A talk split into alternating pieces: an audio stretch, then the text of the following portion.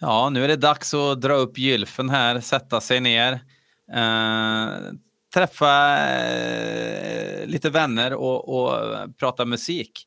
Här i Coopers klass så pratar vi ju eh, till 74 procent om Alice Cooper med vissa avsteg. Eh, och vanligtvis och även idag och alltid så sitter jag ju med Heidenhammer. Tjena Heidenhammer! Halli hallå! Tack så mycket Björn, otroligt roligt att vara här igen. Ja, det är eh, alltid lika trevligt. Mm. Den här gången, det här är lite kul. Det var en lyssnare som, eh, som hörde av sig till mig.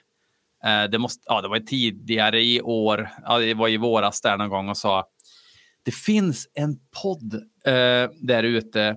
Eh, en kille, eh, eh, en, en, snubbe i, i Malmö tror jag, som, som, som har en podd som heter um, Nils Karlsson presenterar världens bästa poddlåt och han har gjort han har gjort ett avsnitt som handlar om en låt från Zipper Catches Skin. Honom måste ni höra av er till. Det kan bli hur bra som helst. Och så tänkte jag absolut, självklart ska vi göra det. Men sen hörde han av sig själv innan jag hann att tänka på det om, och, och visade sitt intresse. Och här sitter han nu, Nils Karlsson. God dag! God dag, god dag! Det är kul att vara här. Eller här, jag är i mitt kök, men kul att vara här. Ja. ja fantastiskt kul att du vill vara här. Och uh, hur hörde du talas om den här podden förresten? Eh, antagligen samma lyssnare. För det var en av mina lyssnare som hörde av sig till mig efter mitt avsnitt om Zipper Catch Skin och sa att, eh, att eh, du, det finns en podd som just nu håller på med en serie som heter I Coopers klass. Och eh, de har inte gjort, de har inte gjort Zipper Catch Skin än för de tar skivorna i ordning. Eh, du kanske skulle kunna vara med där. Så, och, och så lyssnade jag och det är klart jag ville. Ja. Ja, det är fantastiskt. Och det, och det, och det ja. I den här podden så, eh, så ska vi ju aldrig gå händelserna i förväg. Jag tror att om vi trycker merch, Hayden, mm -hmm. i. Coopers klass merch så ska det ju stå vi ska inte gå händelserna i förväg på ryggen. Fy fan, varför har vi inte gjort det än egentligen? Det är för att vi inte går händelserna i förväg. Vi gör ju inte det. Sen är det tror jag en högst monetär fråga. Det är sant. Men jag bad ju dig för att jag, jag har ju lyssnat och, och, du också Hayden har ju också lyssnat på, på Nils podd här och jag, jag är ju eh, nykär i den. Jag har ju lyssnat baklänges nu avsnitt för avsnitt eh, och jag, för första gången så har jag ju bett eh, en gäst, dig då, om att helt enkelt eh, förbereda ett litet eh, manus om skivan vi ska prata om. Eh, så, eh, och, och, du sa absolut. Eh, har jag för mig. så, ja. så att eh, jag, jag, säger bara scenen är din. Mm, tack så mycket. Det kommer då verka lite som att jag läser till och det beror på att jag läser till. För ja. jag har ju då, jag har ju då skrivit, skrivit ett manus, för så gör jag min podd, Världens bästa poplåt. Eh, det är väldigt hårt manusbundet, det är inte alls så här grabbar snackar, utan det är seriöst. Så nu ska vi bli riktigt seriösa här. Okay. Ja, det låter hur bra som helst. Ja, vi lutar oss tillbaks. Spänn fast säkerhetsbältena för nu kör jag.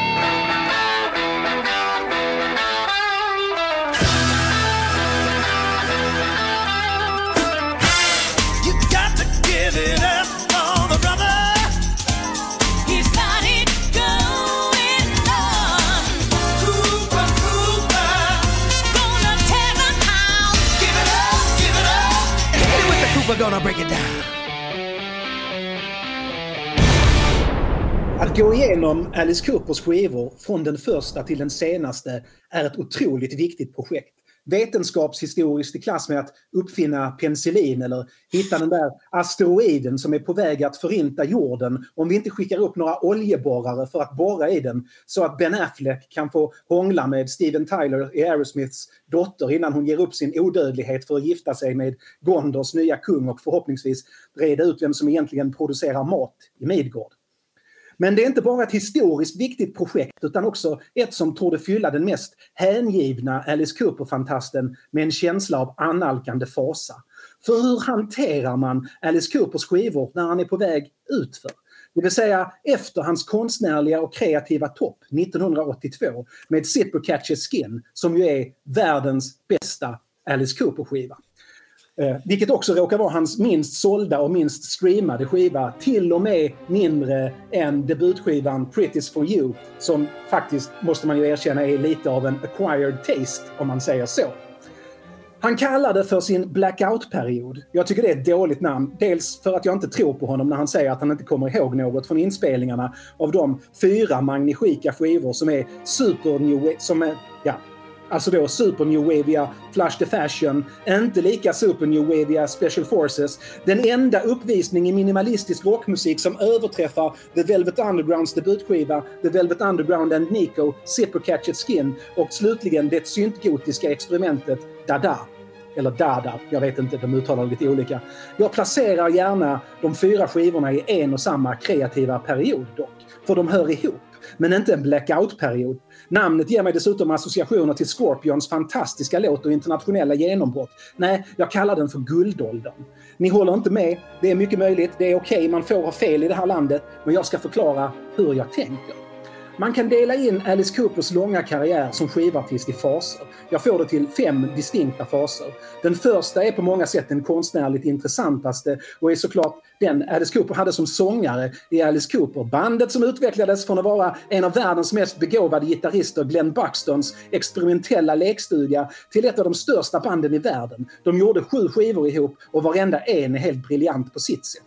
Genom att blanda hårdrock, hårdrock, musikaler, filmmusik, vansinniga infall och texter som på samma gång är makabert provocerande och rätt igenom harmlösa gör det något som inte liknar något annat som gjorts vare sig före eller efter i musikhistorien. Möjligen att det Frank Zappa gjorde med sina första Mothers of Invention-skivor påminner lite. Det teatrala finns där och viljan att göra något radikalt annorlunda med popmusikformatet finns där. Det är ingen slump att det var Frank Zappa som gav Alice Cooper deras första skivkontrakt, men de utvecklades åt helt olika håll senare. Alice Cooper exploderade efter att de träffat producenten Bob Esrin och tillsammans med honom förvandlat de mer utflippade infallen som präglat Pretty's for you och Easy Action, Alice Coopers första två skivor, till mer strömlinjeformad rock'n'roll-pop. Men Esrin gjorde det utan att bandet förlorade sin karaktär. De var sällsynt begåvade musiker och låtskrivare. De hade ett sällsynt intuitivt samspel. Och Alice, sångaren då alltså, skrev redan tidigt fantastiska sångtexter. Han skrev inte alla bandets sångtexter, men de bästa. De var också Bob Esrins första riktiga produktion och han lärde dem musikteori och återhållsamhet utan att ta över. Jag tycker Alice Cooper nådde sin höjdpunkt på Schools Out, den sista av de sju skivorna bandet gjorde som Glenn Buxton faktiskt spelar sin excentriska gitarr på. Men deras kommersiella höjdpunkt kom på skivan efter, Billion Dollar Babies. Men alla sju skivorna är fantastiska på sitt sätt och man hör bandets personlighet genom varenda låt. Av olika angivna skäl rasade bandet samman. Den ursprungliga förklaringen som gavs av Alice var att bandet ville spela rockmusik utan en massa teaterinslag. Scenshowen var ju en del av Alice Cooper medan han ville trappa upp det teatrala. Den förklaringen tillbakavisas av bandet. Tvärtom, säger de. Mycket av teaterinslagen kom från oss, säger bandet. Och det faktum att när de musiker som inte var Alice Cooper i Alice Cooper eller Glenn Buxton gjorde musik som Battle Axe så var deras scenshow minst lika mycket blod och spektakel som de föreställningar Alice Cooper gjorde som soloartist. Nej, den sorgliga förklaringen är nog att det var alkoholmissbruk och feghet som splittrade bandet. Glenn saknade de andra i bandets förmåga att skärpa sig i skarpt läge och spela trots dyngfylla. Och eftersom bandet var barndomsvänner och det var Glenn som liksom startat bandet, som varit pådrivande hela tiden, som gjorde deras arrangemang och som var den som i mångt och mycket lärde de andra spela, så hade det krossat honom om de andra gav honom sparken. Men det borde vi nog gjort, säger både Neil Smith, trummor och Dennis Dunaway, bas, nu. Precis som Pink Floyd gjorde med Syd Barrett. Det var Syds band, men de klarade sig utan honom och blev ännu större i förlängningen. Hur som helst så hade Alice bytt sitt namn juridiskt och hette Alice Cooper på riktigt. Så det blev inget bråk, om än mycket ilska, när han fortsatte på egen hand och inledde den andra fasen i sin karriär. Den jag kallar Esrin-fasen. Efter att ha varit frånvarande på bandets sista skiva, Muscle of Love, tar han sig an Alice Coopers solodebut, Welcome to my nightmare. Med sig tar Esrin Lou Reeds kompband. Vill man förstå vilket fantastiskt band det är så kolla Reeds liveskiva Rock'n'Roll Animal. Och bandet har också spelat på Peter Gabriels av Esrin producerade första soloskiva efter avhoppet från Genesis. Det verkar vara Esrins grej lite grann, att producera solodebuter. Welcome to my nightmare är lika mycket en solodebut för Alice som det är den första skiva Bob Esrin har full kontroll över. Han skriver musiken tillsammans med Dick Wagner, en rutinerad och fantastisk gitarrist, och Alice och han styr produktionen in i minsta detalj. Det blir storslaget och pampigt och låter rätt igenom Bob Esrin, på gott och ont. Man hör nästan alltid att en skiva är en Esrin-skiva. Det enda som lyckats stå emot och bli helt Esrinifierad är Pink Floyd, han producerade The Wall, och just Lou Reed. Men de är bra. Riktigt jävla bra. Jag upptäckte Esrin när jag såg att de bästa låtarna, tyckte jag då, jag var 10 år och hade fel, på Kiss samlingsskiva Double Platinum var producerade av Esrin. Det ledde till att jag köpte Destroyer och Music from the Elder, det Kiss-skivor Esrin hade producerat då. Och det var ju makalöst bra. Ja, jag står för att jag gillar The Elder. Visst, den låter kanske mycket mer Esrin än Kiss eftersom den faktiskt inte låter Kiss alls. Men det är bra låtar och Dark Light har ett av Ace Frehleys bästa och grymmaste gitarrsolon. Sen letade jag i skivbackarna, i affärerna, efter Esrins namn. Genom honom hittade jag Pink Floyd och Peter Gabriel och Alice Cooper. Bob Esrin förändrade mitt liv och bara till det bättre. Welcome to my nightmare är en fantastisk Esrin-skiva. Om det inte vore för uppföljaren och Sit Catch Skin, med all rätt betraktad som Alice Coopers bästa soloskiva, men Goes to Hell är bättre. Också den inspelad med samma musiker och skriven av Cooper, Wagner och Esrin. Samma med Lazen Whiskey. Sen tar Esrin paus från Cooper för att gå och vara världens mest eftertraktade producent ett tag. From the Inside producerades av David Foster, mannen som låg bakom alldeles för många plågsamma 80-talshits några år senare. Mest känd för Chicago och Peter Cetera's ballader kanske.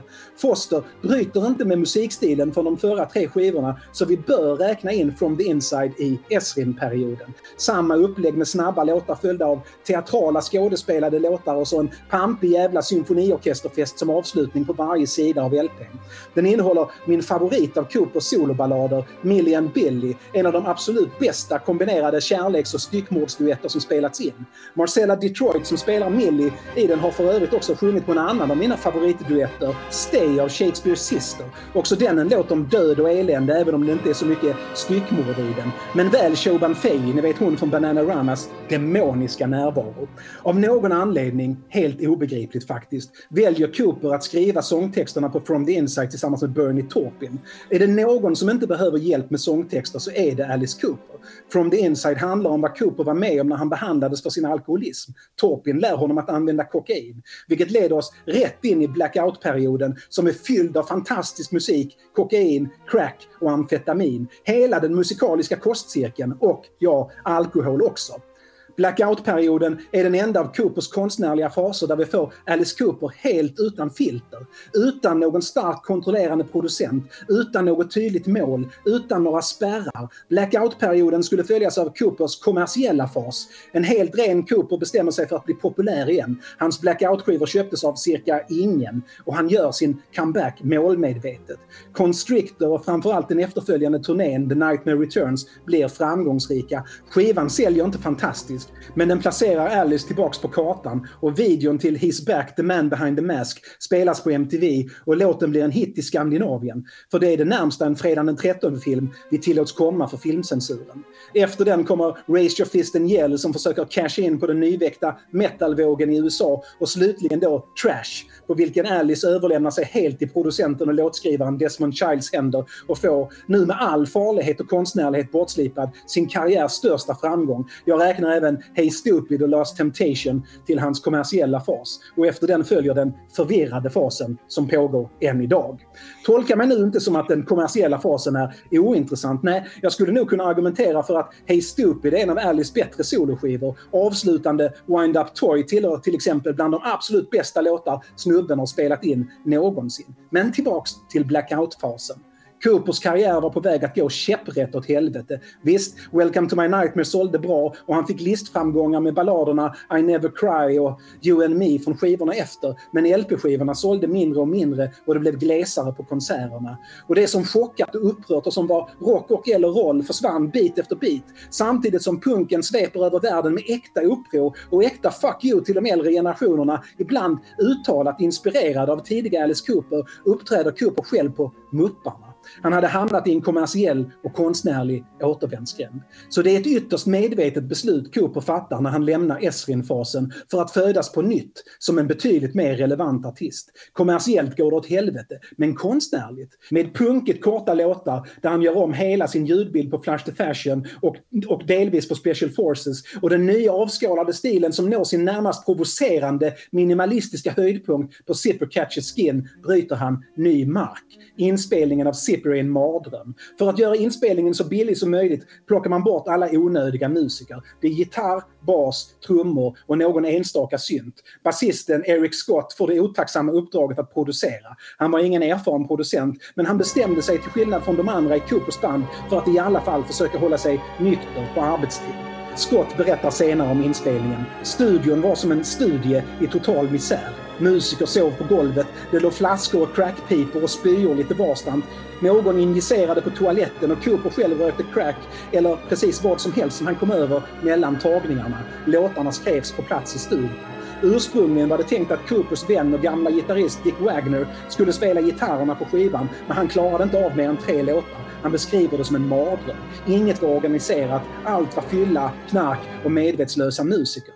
Wagner lämnar inspelningarna för att ersättas av John Nitzinger, men han gör det först efter att ha varit med och skrivit “Make That Money”, en av Coopers tyngsta låtar i karriären. “No Baloney Homo Sapiens”, exakt den låt om att E.T. egentligen vill äta upp oss, men som vi äter upp på slutet när det visar sig att E.T. egentligen bara vill ha vänner och “I better be good”, troligen den bästa låten som någonsin gjorts. Men Cooper är märklig.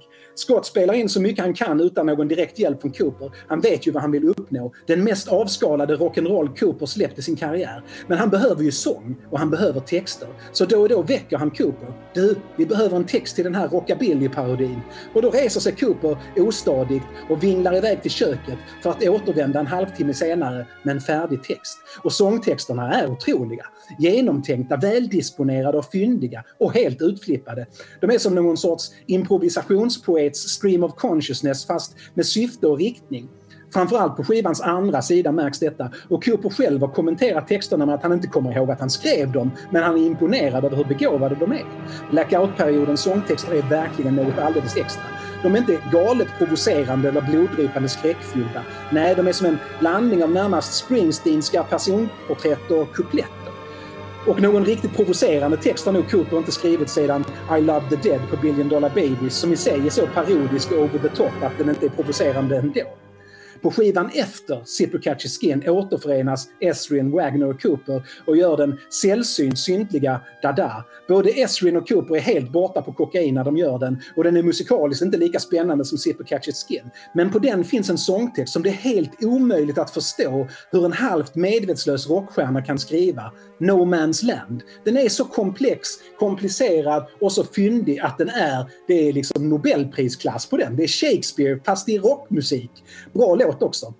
Även sången på Zipper Catches Skin är ett underverk. Eric Scott drar ut på det så länge han kan, vilket inte är länge för Alice är inte längre en stjärna som får obegränsat studiotid, utan de har bara några veckor på sig. Alice som knappt kan stå och som knappt kan prata är det största hindret för att bli klar i tid. I alla fall tänkte Scott det. Men samma sak som med sångtexterna inträffar. Han väcker Alice som motvilligt traskar fram till mikrofonen och sen är det som han plötsligt blir sig själv. Scott beskriver det som det mest imponerade han varit med om. För vid mikrofonen är Alice plötsligt glasklar och sätter sången utan att tappa ord eller sluddra eller någonting.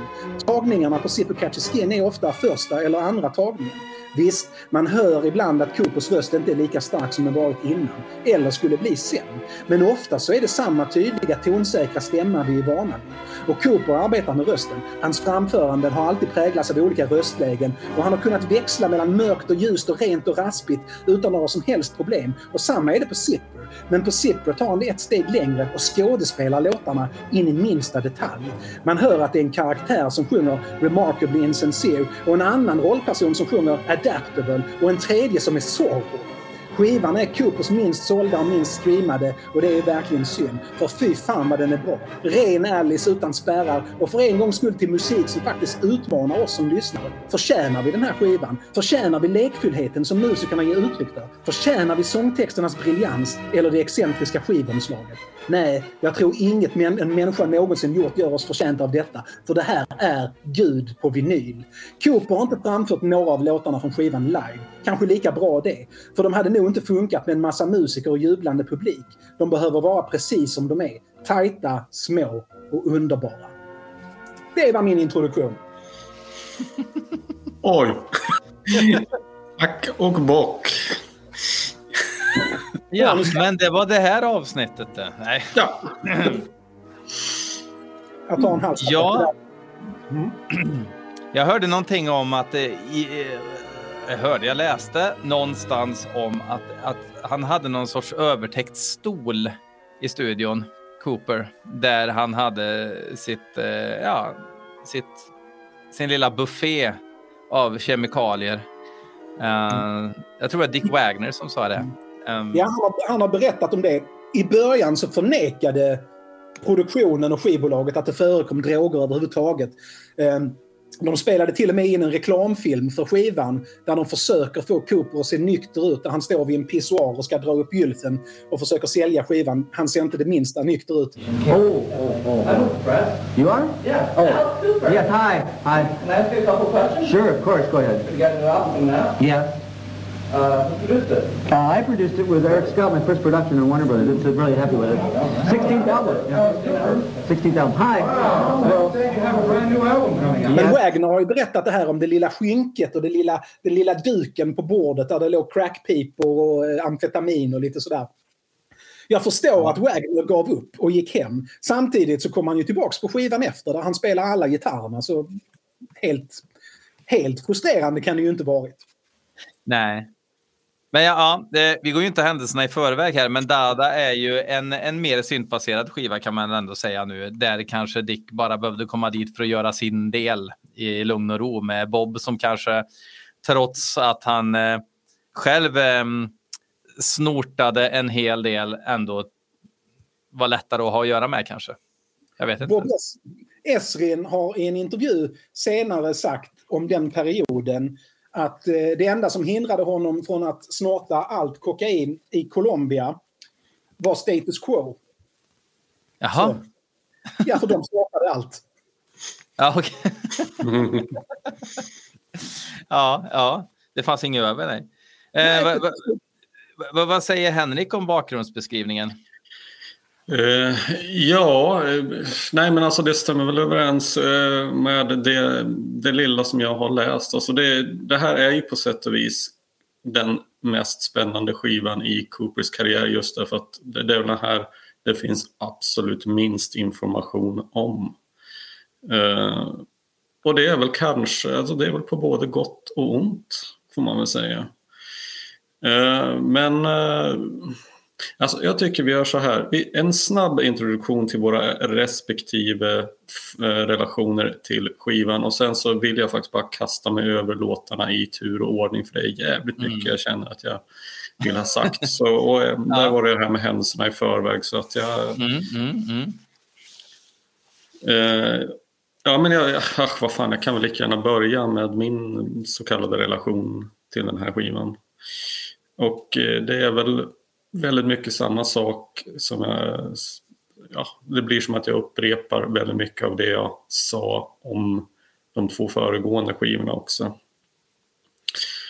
Eh, det här var sannolikt den skivan som jag också var minst intresserad av att kolla upp när jag var yngre för det var, den appellerade inte alls. Även om den hade en viss eh, besynnerlig mystik över sig så lockade ju inte omslaget på samma sätt som exempelvis Special Forces gjorde utan under väldigt många år så tänkte jag att ja, men, om, jag ska låta någon skiva stå kvar i backen, ja men då blir det nog denna. Samtidigt som, eh, ja, den stack ju också ut på något vis. Alltså det, var, det var ju svårt att glömma bort den, Trots att jag, alltså jag var 12 år första gången jag såg den. och liksom det här med fredagen den 13 var betydligt häftigare än en Alice Cooper i slacks och bakåtslickat hår eller kort hår så trodde åtminstone jag att han hade då. Men eh, icke desto mindre så att så den, den fanns någonstans där i bakhuvudet men det var ingenting jag kollade upp förrän många år efteråt och det skulle dröja eh, ännu fler år innan jag faktiskt köpte den för några år sedan. Och eh, ja, det, det, är en icke-relation kan jag väl säga. Men jag har desto mer att säga om låtarna allt eftersom senare. Så att eh, de intrycken kommer senare och det är de vi ska gå igenom sen. Så det var det. Ja, jag sa i förra avsnittet att jag inte hade någon relation till Blackout-eran alls, men det är ju inte sant för att jag har ju eh, lyssnat och ägt ett fysiskt exemplar av Dada i väldigt många år. Eh, men eh, just Flash the Fashion, som jag ändå hade hört låtar ifrån, Special Forces och Zipper Catches Skin hade jag i princip noll relation till tidigare i år. Och det är ju förstår att folk vill eh, säga upp sin prenumeration på podden och grejer, men så är det. Eh, så att jag har ju liksom ingen nostalgi knutet till den här skivan överhuvudtaget, utan tagit den för vad det är. Ja, så ingen relation. Jag beställde den här, fick den här och Special Forces och Flash the Fashion på en Discogs beställning för ja, nästan gratis i perfekt skick. För att fortfarande är intresset ganska lågt för de här skivorna. Kan jag bara få flika in en liten parentes mm. innan jag glömmer det som egentligen inte har så mycket med, det har väl egentligen ingenting med våra respektive relationer till skivorna att göra. Men jag vill bara konstatera det att eh, förra avsnittet tror jag det var så det har ju varit lite fram och tillbaka om vad man ska kalla hans blackout-period och om huruvida Flash the Fashion från 1980 ska räknas in där. Men jag kan väl passa på att säga att eh, ja, för några dagar sedan så fick jag hem eh, Alice Coopers självbiografi Golf Monster som jag också har läst igenom nu i dagarna. Och eh, åtminstone i den så säger han själv att det är fyra album han inte minns. Så i hans egna ord så ska definitivt Flash the Fashion räknas in i detta. Och enligt det... Rolling Stones Magazine, uh, Rolling Stones Magazine, så um, Rolling Stone Magazine, så uh, hävdar Alice uh, att han har en del minnen ifrån Flash the Fashion och menar själv att det är de tre skivorna efter som, som är... Det är även det som är citerat i Wikipedia jag kommer fram till nu. There are three or four albums that you don't remember even recording. Oh, absolutely. Is, the, the, is, the, blackout period. Is that's this, one of them. That's one of them. Zipper Catches Skin. Zipper Catches Skin heter den. And, I mean... Så här ser Alice ut här. You look like this here. Yeah. yeah. Oh, yeah. How, how come you thought that, wow, I got to change uh, totally attitude? insane. Hmm. No, I was insane. It was hmm. very, very simple. I, I don't remember writing them. I don't remember recording them. I don't remember touring with them. There was a period of about two or three years there that I literally don't remember doing that album. I don't remember a lot of Dada. I don't remember uh, Special Forces in particular. You know, mm. um, a few of them. I mean, Flush the Fashion was a little more in focus because I was working with Roy Thomas Baker on that, and I do remember writing a lot of those songs. But these songs, mm. Do you think it's hard today to look at the picture like this? But, no, no, you look I think I look cool. handsome. You look yeah. cool. You look yeah, I really look like. James Bond in yeah. that picture. så att under en period så menar han då att det är de tre efterföljande skivorna som är blackout-eran. Men han kanske har glömt att han har kommit ihåg. Det är också en variant. Vi fick ju en liten... Du, din språngbräda var via Esrin då, Nils? Ja, fast inte den här skivan just. Jag vill bara säga det om det ni nyss pratade om. I dokumentären Prime Cuts så sitter ju faktiskt Alice Cooper och berättar om inspelningen i, till, av Flush the Fashion och hur de valde Clones som en låt att släppa på singel och, och Talk Talk. Så att, i alla fall när de spelade in den dokumentären så hade han minnen att, att, att landa i. Liksom. Sen kanske han har förträngt det sen, det, det vet man inte. Han har mycket att komma ihåg. Ehm, nej, men jag önskade mig en Alice Cooper-skiva ospecificerat i födelsedagspresent efter att jag ehm, köpt Welcome to my nightmare själv Eh, min kompis Pelle, vi delade alltid skivor och kopierade på band och så. Han hade skaffat sig eh, eh, Schools Out och Billion Dollar Babies och Goes to Hell. Och jag måste ju komma ifatt så jag önskade mig en skiva. Min pappa gick ut och skulle handla en Alice Cooper-skiva i födelsedagspresent och han föll just för det här skivomslaget. För min pappa är lite speciell och han har typ arbetat som konstnär och är gammal kulturarbetsförmedlare och han tyckte att detta var det konstnärligt mest intressanta skivomslaget. För att det var så otroligt, det var som, liksom som ett anti-skivomslag. Eh, och, eh, så att han köpte den för att han tyckte det var det mest tilltalande skivomslaget. Och jag kan ju säga att det är ju inte alls ett snyggt skivomslag. Men det är lite coolt att sångtexterna står på framsidan in your face. Eh, alla sångtexterna svårt att läsa för att det är liksom inte direkt några... Man kan inte skilja dem åt direkt. Men de står där och det tycker jag är ganska intressant. Förutom sångtexten då till, eh, till världens bästa poplåt uh, Better Be Good som är felskriven på omslaget för att han sjunger ju faktiskt aldrig Zippo Catch Skin i den låten. Men uh, det fick vara med på skivomslaget ändå. Eh, men det kan vi ta när vi kommer till den låten. Eh, så, så min, mitt första, jag fick den i födelsedagspresent och sen lyssnade jag på den hela jullovet. Jag fyller år precis innan jul. Eh, och, och, och föll direkt för den. Jag drogs liksom in för den lät så annorlunda jämfört med de Cooper-skivor som jag och Pelle hade lyssnat på. Så att det var liksom, vi fick verkligen, ja, vi hade ju hört Constrictor innan när den kom. Så för att det, det gick på, det spelades lite, alltså His Back spelades på radio och det var så. Men vi hade liksom inte fastnat för det. Så det här var min, min relation till denna är att det var här jag förstod att det fanns betydligt mer än de här pampiga Esrin-arrangemangen till Alice Cooper. Så att det var verkligen en ögonöppnare för mig. Det är ju precis som med Special Forces. Det här är ju förmodligen Lidl som pressar den här LP-skivan när den släpptes. För det är, ingen, det är ingenting. Det är bara skivan och det är pappomslaget. Och så är det ju Alice själv då som... Alltså, vi pratade lite innan där Nils och du, du tyckte att det syns jätteväl på Alice ansiktet att han har fastnat eh, med eh, eh hud runt testikel i eh, dragkedjan. Jag ska vara helt ärlig, det tog ett tag innan jag förstod att det är det som han gör på den här bilden just för att jag inte tycker att han är så uttrycksfull som man kanske behöver vara här. Men du kanske skojar, Nils? Nej, alltså jag, jag har alltid sett det så. Men det är kanske för att min hjärna funkar på ett perverst sätt så att den tänker största möjliga smärta direkt. Liksom. Så. Men, eh, ja. ja.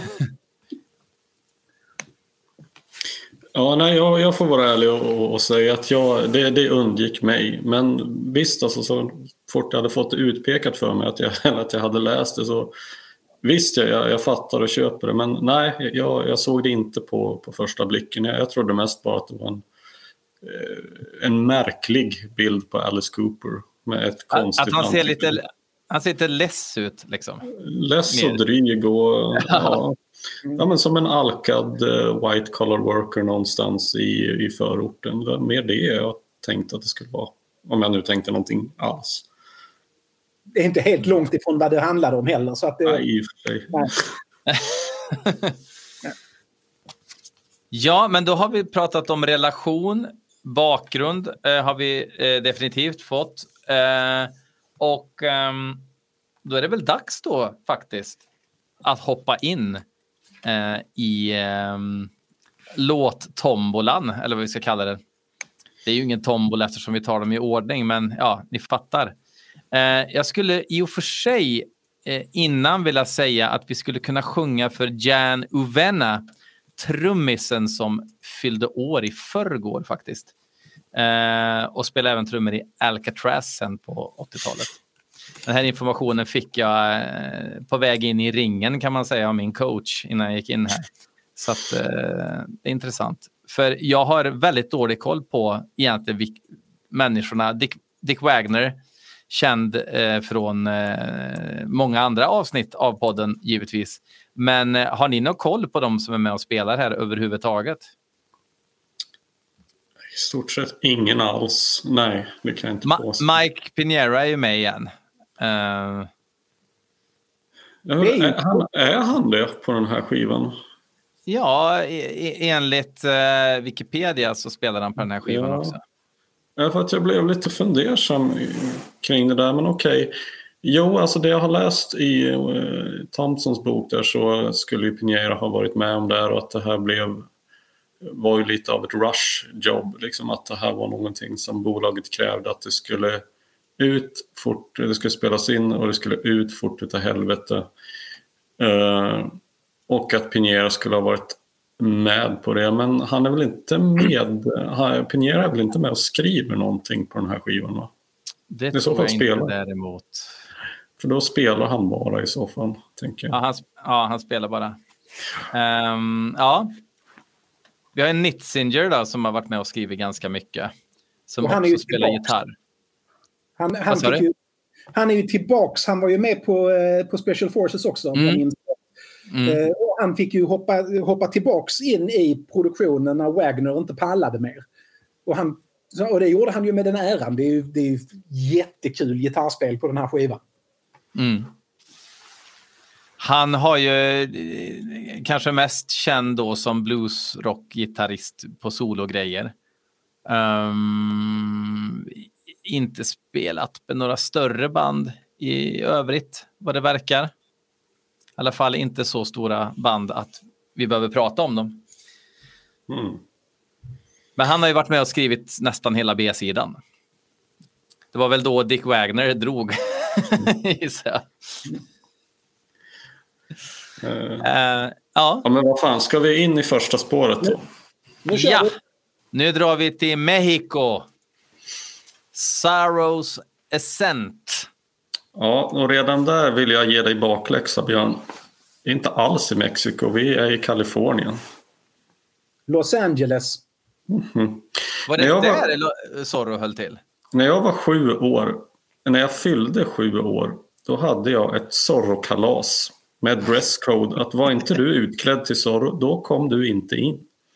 Zorro Wimps betytt... and posers leave the hall. Exakt, Zorro har betytt väldigt mycket för mig och gör det fortfarande. Sen så sjunger ju för sig Alice eh, att han ligger, att Zorro i den här låten ligger och dör under den spanska solen och det är väl i och för sig en eh, sanning med modifikation. Men plötsligt så slår det mig, var det faktiskt så att Kalifornien, undrar om det inte tillhörde Mexiko på den här tiden? Nu blir jag fan osäker. Men det var, för det var Federales som jagade Zorro? Ja. Det måste varit mexikanskt. Det var fan tänk, tänk om jag fick rätt igen. Ja, fan, ja, Men vi, vi är i Kalifornien i varje fall och vi är mm. i Los Angeles. Ett soligt sådant, ett spanskt soligt sådant enligt texten.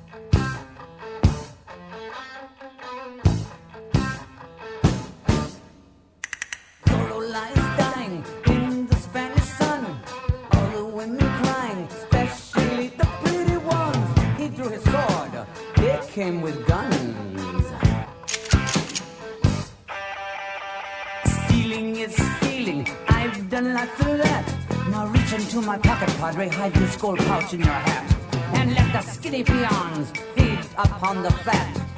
It was liberated from some aristocrat, eh?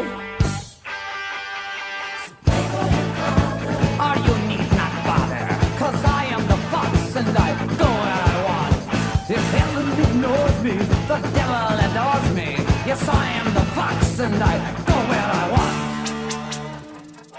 Ja, man blir ju jävligt nyfiken på hur han fick idén till den, var, den här, var idén till den här låten egentligen kom ifrån? Jag har, jag har en fantasi.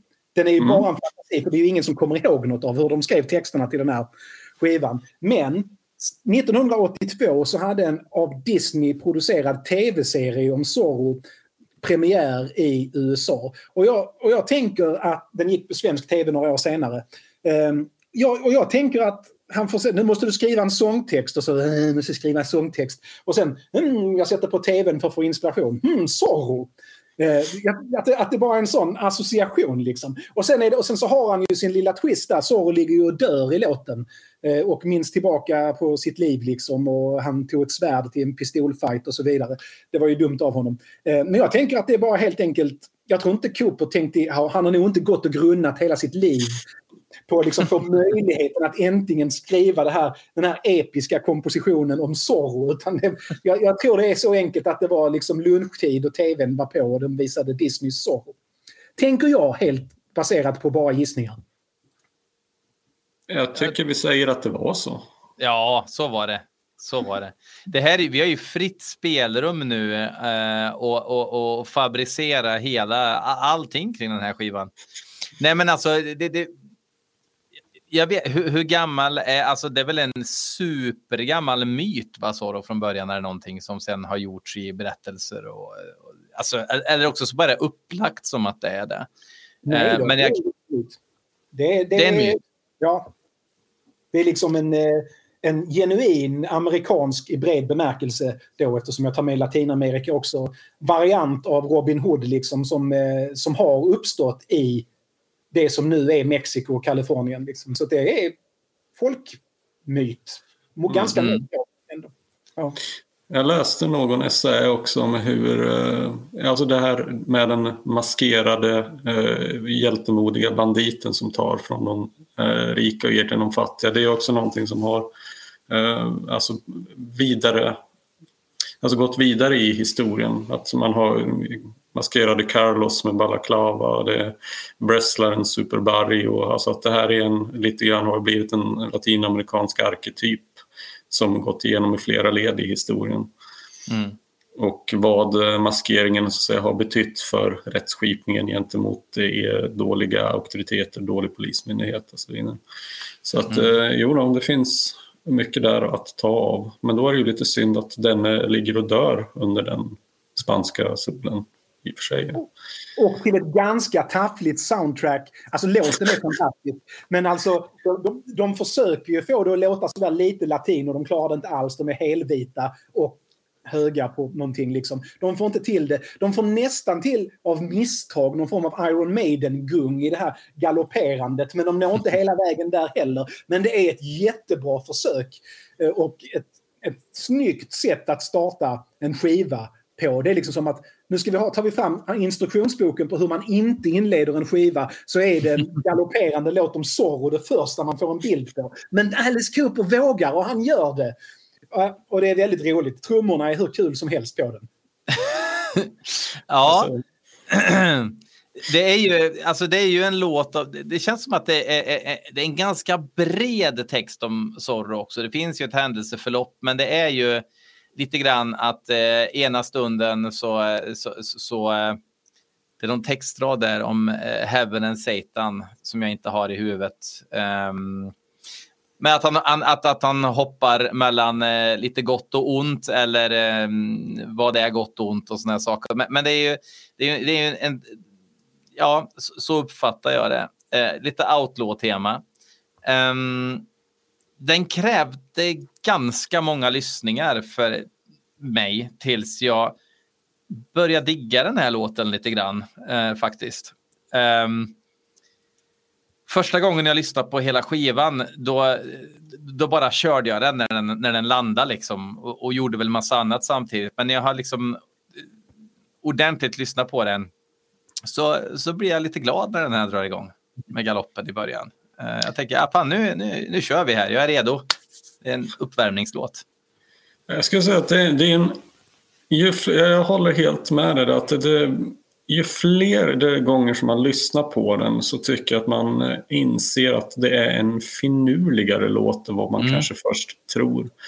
Uh, och med lyssningarna så går det att lägga märke till en hel del ganska kul detaljer. Att det är temposkiftningar, det är ljudeffekter, det är ett inte oävet solo.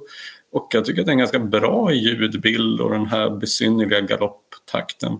Men annars så var det precis samma sak för mig att första gången jag hörde den här skivan så ja, kul kuriosa kanske men inte så jävla mycket till låt. Men det, det, det, är mer i det här än vad man kanske, ja, vad man kanske tror.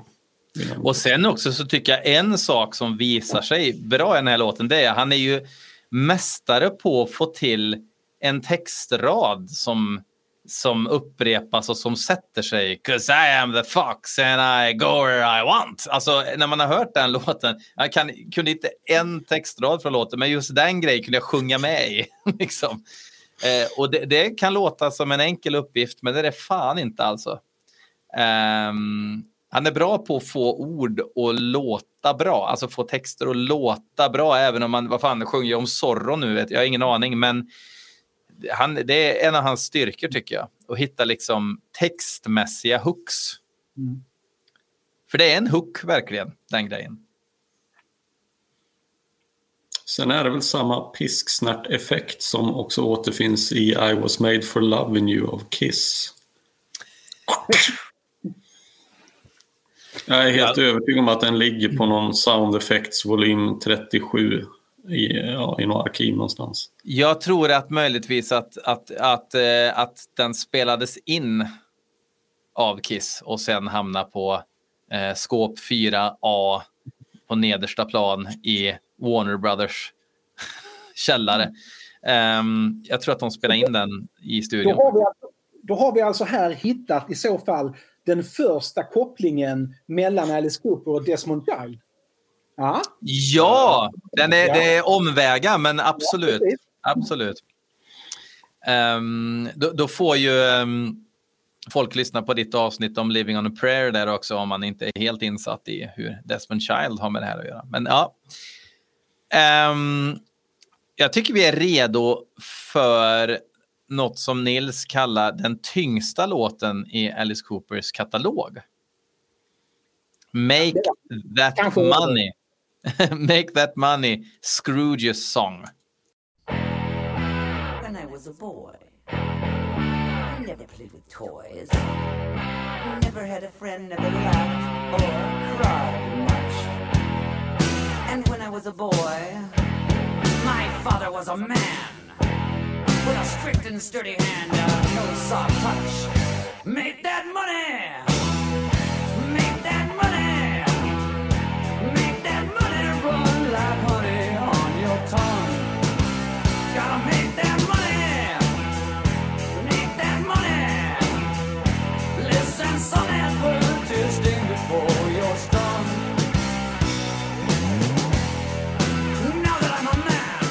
Är ett grymt riff. Det är det. Alltså, och, och den... Okej. Okay. Den kanske in, just den här låten kanske inte mår bra av den här minimalistiska produktionen. Man kanske skulle fläskat på med lite, lite större rumsljud på trummorna och kanske en lite tyngre bas här. Men det är ju musikaliskt sett en, en, det är en tung låt, det är ett grymt riff och den sångtexten vet fan liksom heller. Det är också lite sådär, vi ska nog skriva om Scrooges barndom för att varför inte. Men, men det är... Eh, det är liksom... Det finns väldigt sällan något större djup i Alice Coopers texter får man ju säga.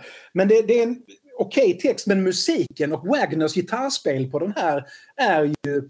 Alltså vi vet ju, eller vi vet, jag nu utgår från att alla vet. Dick Wagner var ju inte heller en nykterist om man säger så. Han var också i en ganska svår period under början av 80-talet. Eh, men det han gör är ju verkligen on point och precis och, eh, och riffet sitter där. Jag är, jag är betydligt mer svag för andra sidan på den här skivan men alltså det här är ju en, det här är ju en kanonlåt. Ja, eh, jag håller med om att den här låten faktiskt är jävligt bra och lite orättvist förbisedd. Och jag tycker att det är ett kul arrangemang som påminner i mina öron faktiskt en hel del om Alices musikalperiod. Att jag, jag kan se det här framför mig med en rejäl scenproduktion och med dansare och skådespelare.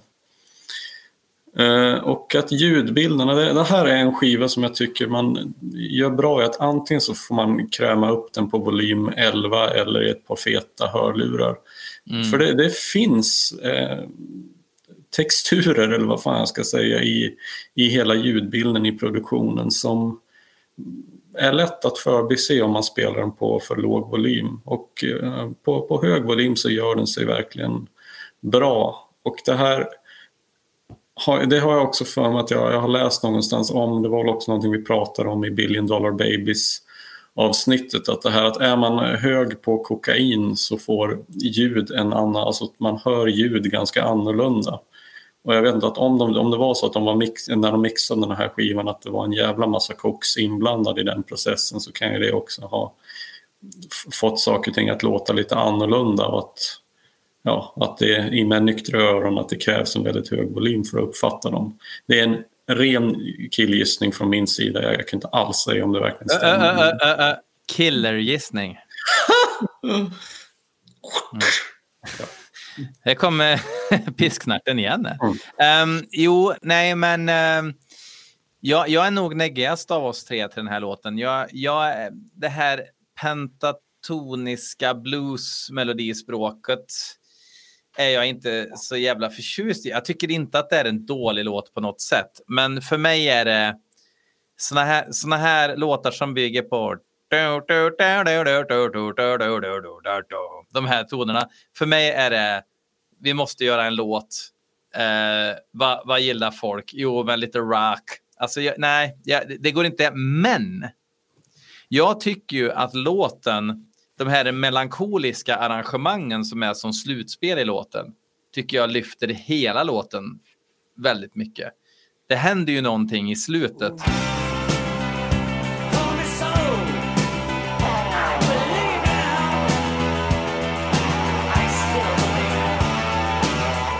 och blir mer atmosfärisk och, och ödesmättad i slutet. Eh, det är skitsnyggt. Så hade inte det partiet varit med så hade jag tyckt att det var en filler. Men jag tycker att låten växer, eller, eller den får nog mer av det. Enligt eh, Eric Scott, producenten då, så var det här den enda låten som fanns på förhand när de skulle börja spela in skivan. Eh, och att den har funnits, alltså Cooper och Wagner har jobbat med denna i flera år. Så den, den, den har säkert sitt ursprung i det som du kallar musikalperioden. Ja, liksom. ja, ja. Ja, det makes sense i mina öron, tycker jag. Uh, ja, ska vi gå vidare? Låt nummer tre, som jag vet att Nisse inte alls är speciellt förtjust i, för att gå händelserna i förväg. Förlåt, jag kunde, jag kunde inte låta bli. Vilket är lite lustigt för att låten, eh, den här låten som vi ska prata om håller ju Alice själv väldigt högt. En av två låtar som han har nämnt som en höjdpunkt, nämligen I am the future.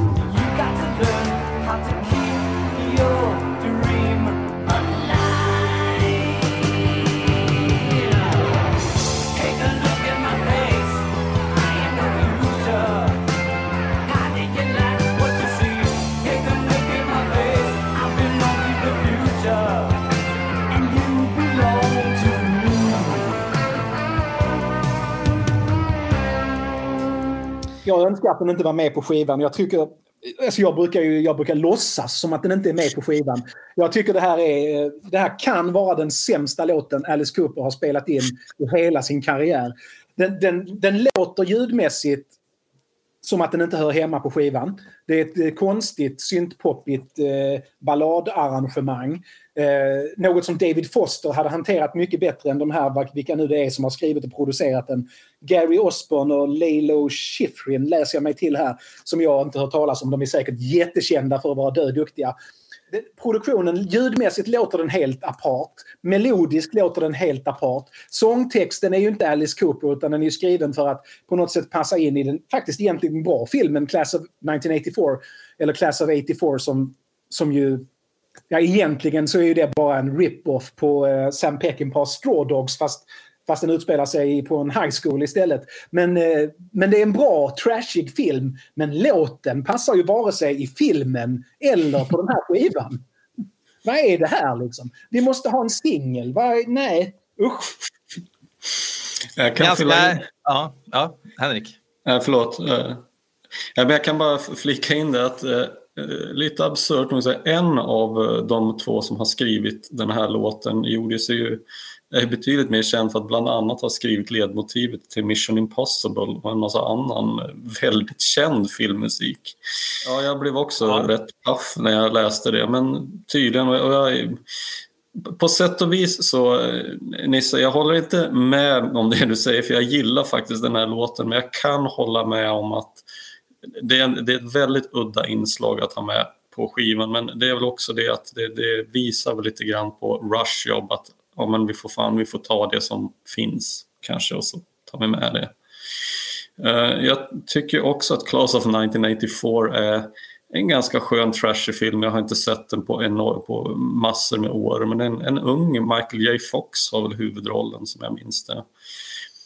Uh, men jag vill ändå påstå att texten till den här låten passar in lite grann i konceptidén om hemska ungdomar som tillhör någon slags eh, obehaglig framtidsgeneration som håller på att ta över.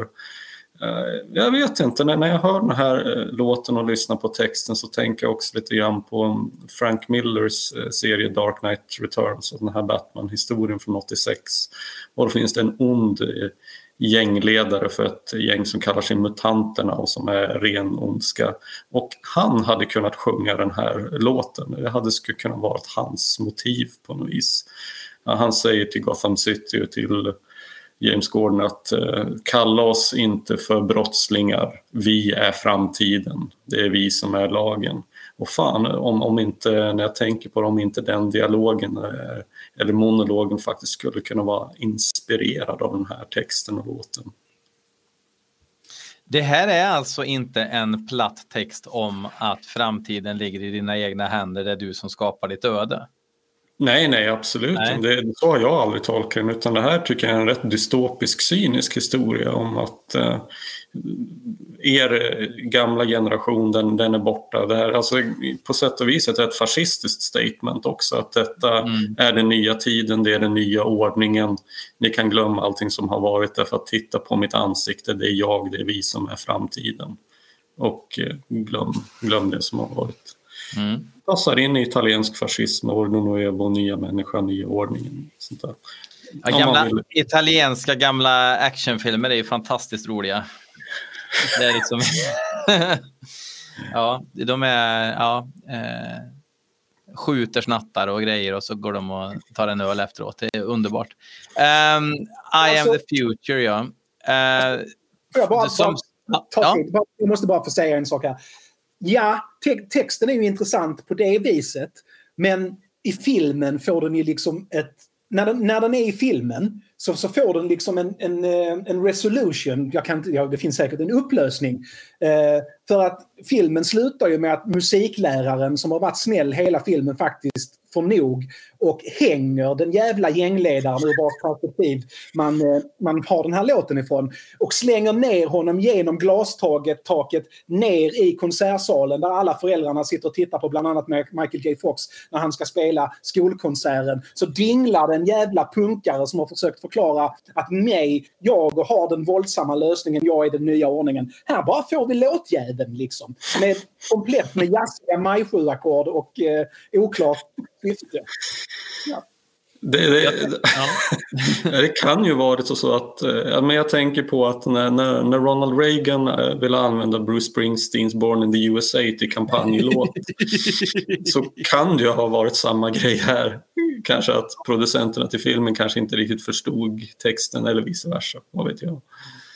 Men jag men... håller med, det blir ju jättemärkligt i sammanhanget. Jag håller också med om det här med eh, att den inte passar alls på skivan. Den här skulle kunna, alltså rent musikaliskt, passa bättre på From the Inside med ett bättre arrangemang. Det är ju en...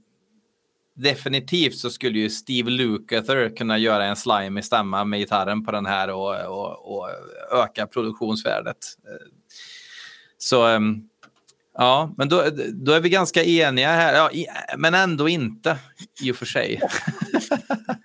Så jag vill bara, det sista jag säger, att jag tycker den ger mig lite grann samma känsla som den här bortkomna låten från Special Forces, Look at you over there. Och jag tycker det finns ett visst släktskap med Pain från Flush the Fashion.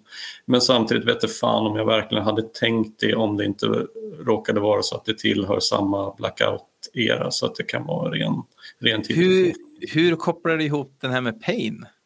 Jag vet inte annat än att den ger mig lite samma Uppenbarligen, ja, lite samma känsla. Men eh, som sagt, det, jag fattar att man inte alls hör det. Det, det är nog bara jag. Jag tänker Så. att känslor är objektivt.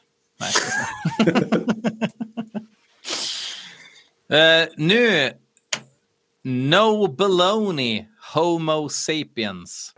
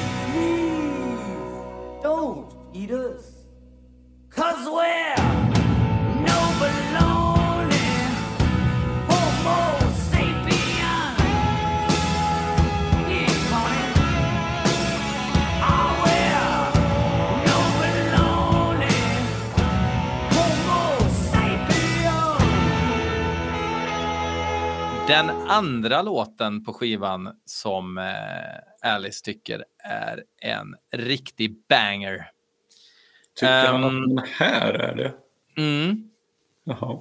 Och det lite roliga är att det tycker faktiskt jag också lite grann. Um, roligt tema att um, han skryter ju lite om, om oss människor faktiskt här, om man ska sträcka lite på sig. Att i ett eventuellt möte med eh, utomjordingar så är vi a force to be reckoned with. Men helst av allt kan vi väl vara kompisar, typ. Jag, jag, jag tycker den här är, den, den, här låten får jag även, alltså jag, jag, skulle kunna höra den här om man tänker en, en helt annan produktion och lite rockigare så skulle den kunna funka på ja, någon av dem, förutom de första två, men någon av de andra sju eh, Cooper-skivorna som band. Det är någonting med Nobeloni. Homo sapien. Det skulle kunna vara på Billion Dollar Babies. Jag har tänkt att alltså rent konceptuellt så kanske man kan se det som någon slags koppling till My Stars-låten från Schools Out som ju också Absolut. var lite science fiction. Ja, vad säger eh, Nisse? Vad säger du? Ja, alltså dels, dels textmässigt, på min skiva så minns jag att den, den har parentestiteln For Steven E.T. Så att jag misstänker ju att han har sett E.T. och, eh, och eh, blivit inspirerad av det här med eh, med besök från utomjordingar. Och, och, texten är ju den är lite först lite undfallande. Snälla ät oss inte, vi är inte era korvmackor. Och sen lite kaxigare och kaxigare bygger han upp mänsklighetens självförtroende. Det är en väldigt snygg text och jag förstår att Cooper själv tycker den är smart för den är väldigt smart.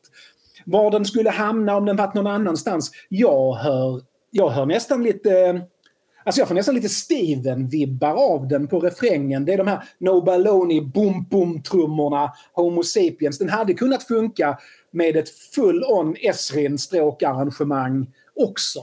Eh, och jag tycker det är en otroligt bra låt, men jag tycker det är nästan lite synd att den inte var med på Billion Dollar Babies eller på eh, Welcome to My Nightmare. Men den kunde det inte vara för den var inte skriven än. För de skrev ju den här i studion efter att ha varit och tittat på E.T. höga som fan. Så, eh, Så, eh, så det får vara vad det var. Men visst hade det funkat med slicka symfoniorkestrar och kanske att Wagner spelar tillsammans med Steve Hunter i stämmor eller någonting. Som de brukade förr. Men den är, den är bra och det är en jättebra avslutning på en skiva. På en sida menar jag. Man vill sluta pampigt. Det ska man ju. Så att man liksom är verkligen uppe i varv när man vänder sidan om, går på B-sidan som ju är från början till slut ett totalt minimalistiskt mästerverk.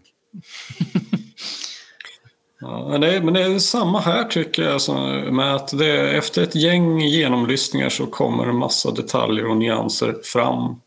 Och det är dessvärre ganska lätt tycker jag att missa allt det bra i den. Mm, mm, men, absolut. Däremot så tycker jag väl kanske inte att det är en kanoninsats av Alice bakom mikrofonen. Jag tycker han låter lite för oengagerad för att vara Alice. Uh, hade han inte varit utslagen av crack så tror jag att det hade kunnat bli ännu bättre. Det här känns ju för sig mer LSD än crack kanske. Och så textmässigt så jag tänker på tv-serien V, men det här var väl till och med innan V hade haft premiär så att det kan ju inte ha varit en nick ditåt. Men han kanske, ska vi säga så att det var den här låten som ändå gjorde, som fick V-serien att skrivas? Ja, ja, ja. ja. Det stämmer det. Bra. Nu ska vi hoppa vidare. Nu, tar vi allihopa och plockar av nålen från vinylspelaren, vänder på skivan och så ska vi lyssna på B1. Ni som har CD, lyssna på låt nummer 5, Adaptable Anything for You.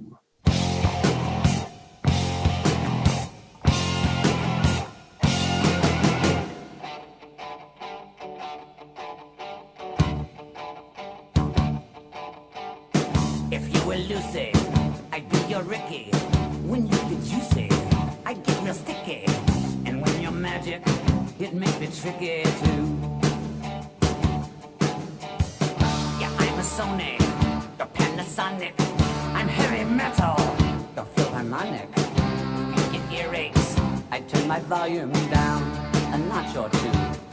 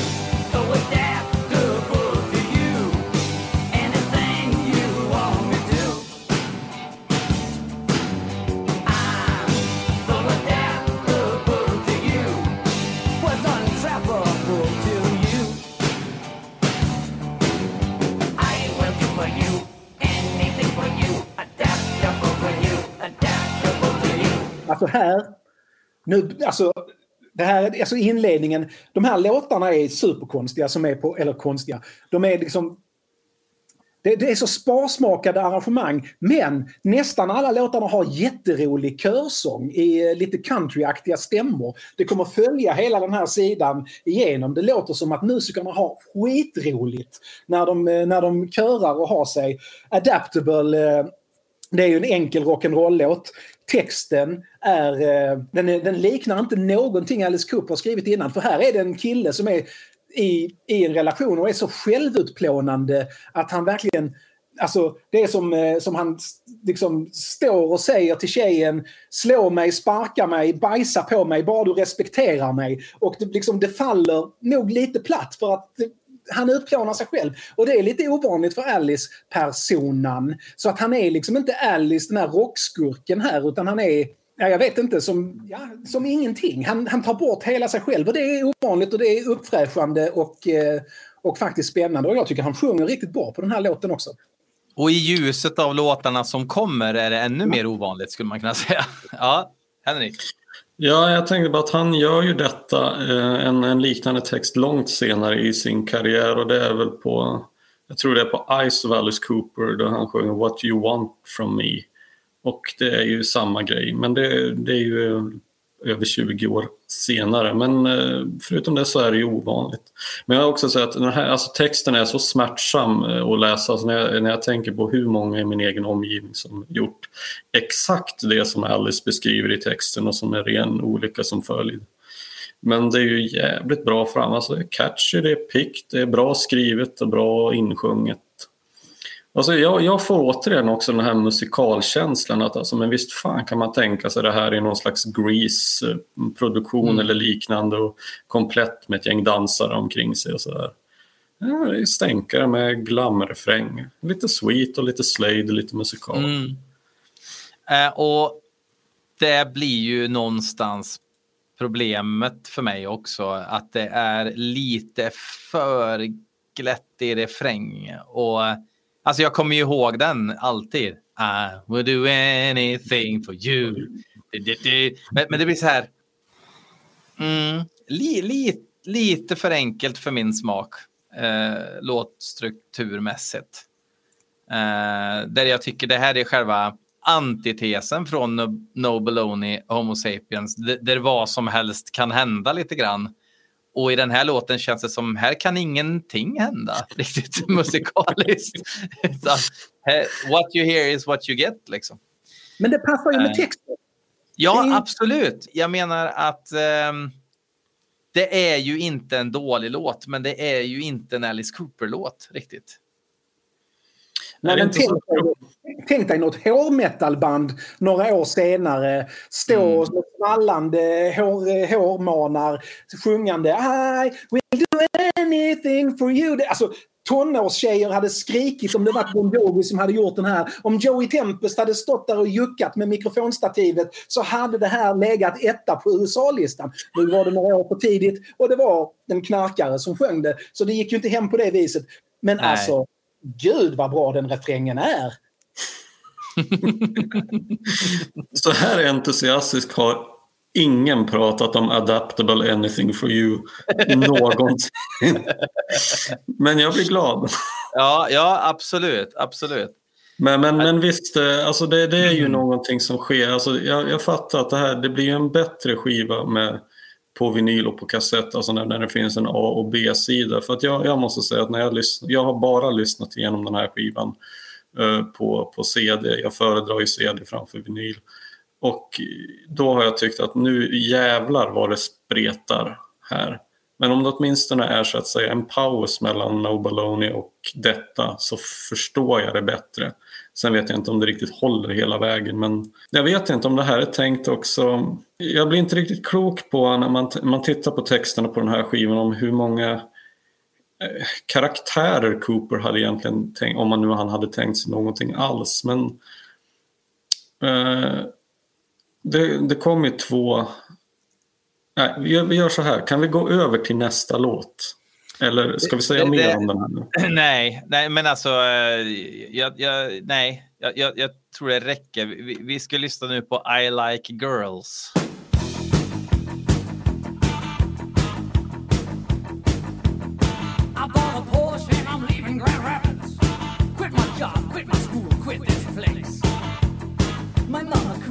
My father was proud. I got no time, man. I want to say goodbye to my babes. I like girls.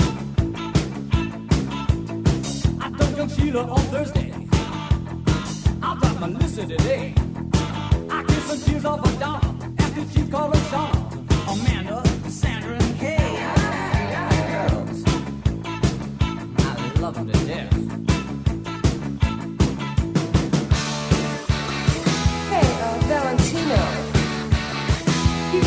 Somewhere? You wouldn't sneak out on me, would? What's that, a blonde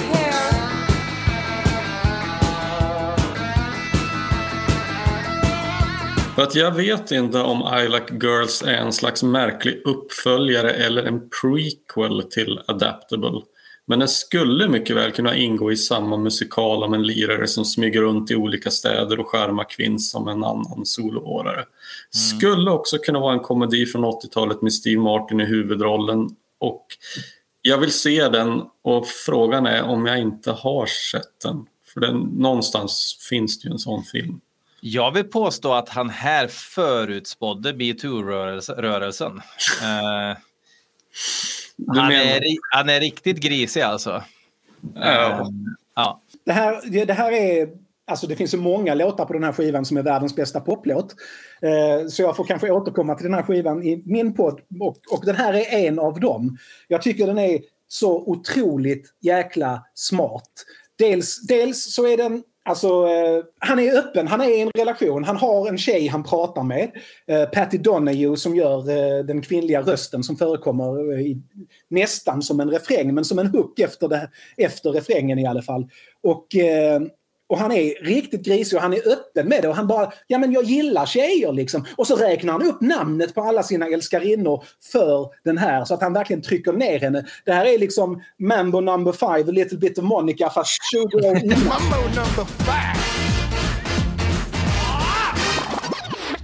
Nästan 20 år innan i alla fall. Får jag bara, får jag bara avbryta det där? Är det alltså Lou Vegas karriär? Kan, kan, ja. Han kan tacka sin karriär på grund av ja. I like girls från han, har, han har säkert inte hört den, men det är lite samma grej. Men alltså, en, en rolig grej med den här låten som jag tror spelat in, nu är det ju ingen som kommer ihåg det, men jag pusslar lite här för att jag är typ Sherlock Holmes. Um, Patty Donahue som är tjejrösten här i början av 1982, ungefär när de går in i studion för att spela in det här, har hon en hit med sitt band The Waitresses som heter I know what boys like.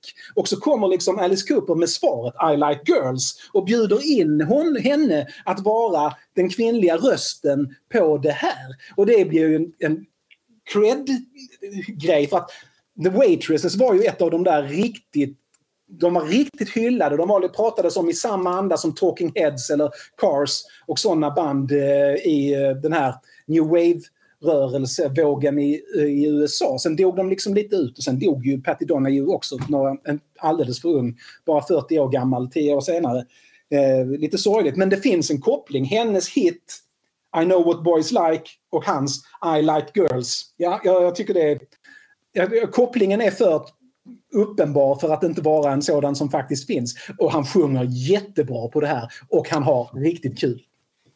Det, det är jävligt bra gjort. Ja, piggt och det är kul och en betydligt bättre låt än Type Negatives låt med samma namn vill jag bara flika in också. Men det är ju jävligt bra skriven. Alltså det är väldigt fyndigt text på sina håll också. Så är det en, en rad med You see my ultimate goal will be my life being told in a penthouse letter that I can frame and keep at home. Eh, för att vara en eh, crackned knarkad pundare så är det ju uppenbarligen några synapser som funkar ganska bra. I alla fall. Ja, för de flesta eh, crackpundarna skriver ju inte sådana här texter.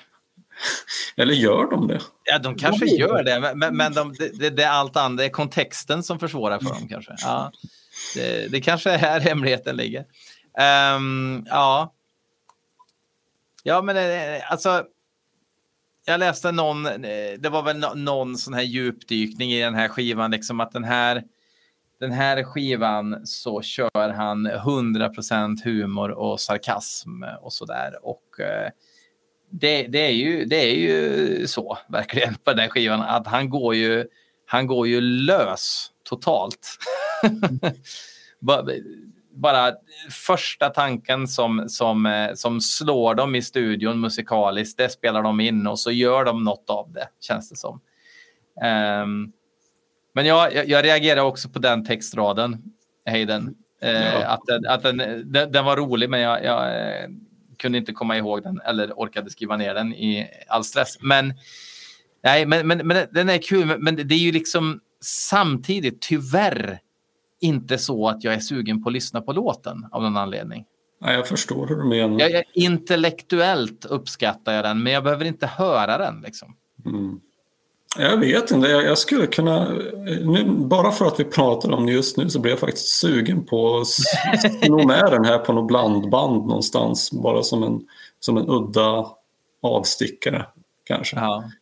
Problemet blir ju då att du inte kan ta med denna om du inte tar med nästa. För att det, de, de går ju över i varandra, hänger ihop och den här slutar ju alldeles för abrupt för att inte då ha med nästa låt också då, Remarkably Insincere, som är minst lika fantastisk.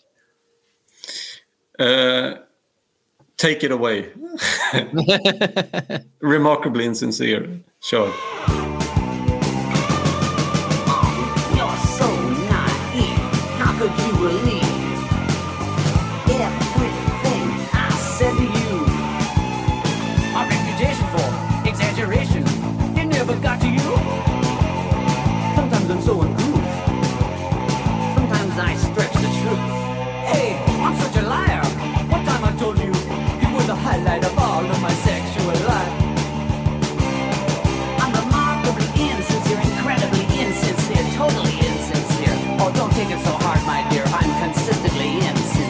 Men alltså den, musikaliskt så fortsätter den på samma teman ungefär. Det är med lite god vilja en annan låt. Eh, lite andra ackord och den spelas lite annorlunda. Men den är ju fortfarande den här I like girls-killens...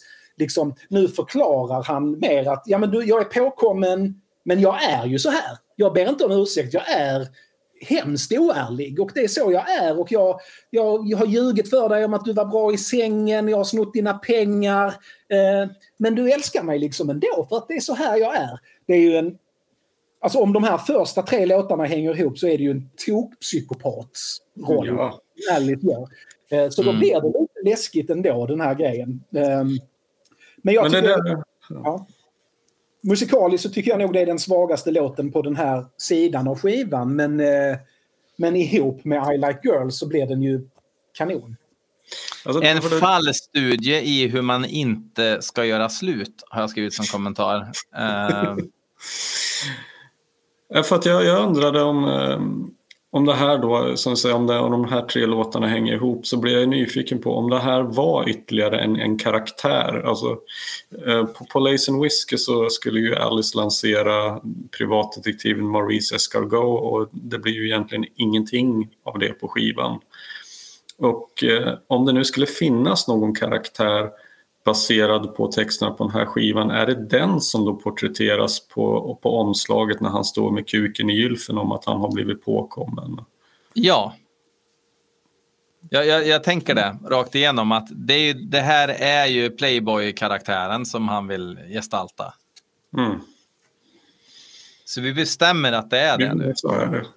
S- Sen håller jag med om att jag, jag har skrivit i mina fuskanteckningar att jag tycker det här är den mest anonyma låten på skivan. Det, det är ingen riktig refräng, ingen minnesvärd vers eller hook. Och ska jag vara helt ärlig så kommer jag faktiskt inte ihåg hur den här låter nu när, när vi pratar om den. I Like Girls har jag ingen som helst problem med att komma ihåg men nej, det- den här fastnar inte trots flertalet lyssningar. Vad säger ni? Kommer ni ihåg den här låten? Något sånt här? Nej, jag gör inte det. Jag, Jag hade saknat den om jag hade lyssnat igenom skivan och den inte varit där. Till skillnad från eh, I am the future som jag verkligen önskar att den inte var där. Så hade jag känt att någonting fattades om den här inte var med. Men det är ju ingen... Det är vare sig en låt jag skulle... Nej, jag kommer fan inte ihåg hur den går. Och det är ju ingen låt om jag skulle få någon att börja lyssna på Alice Cooper så skulle den här komma väldigt långt ner på listan av in- låtar att introducera artisten som för. Ja.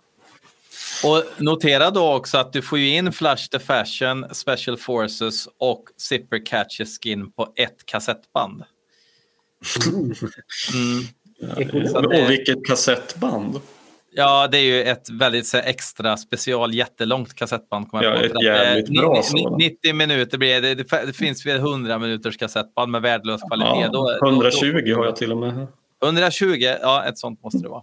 Eh, då blir det inte lika anmärkningsvärt i och för sig. Men, men det är ju korta skivor vi pratar om. Den här skivan är ju 32 minuter och 25 sekunder lång till exempel. Så att eh, det här med att ta bort låtar, det var nog inte aktuellt även om även han själv ville göra det.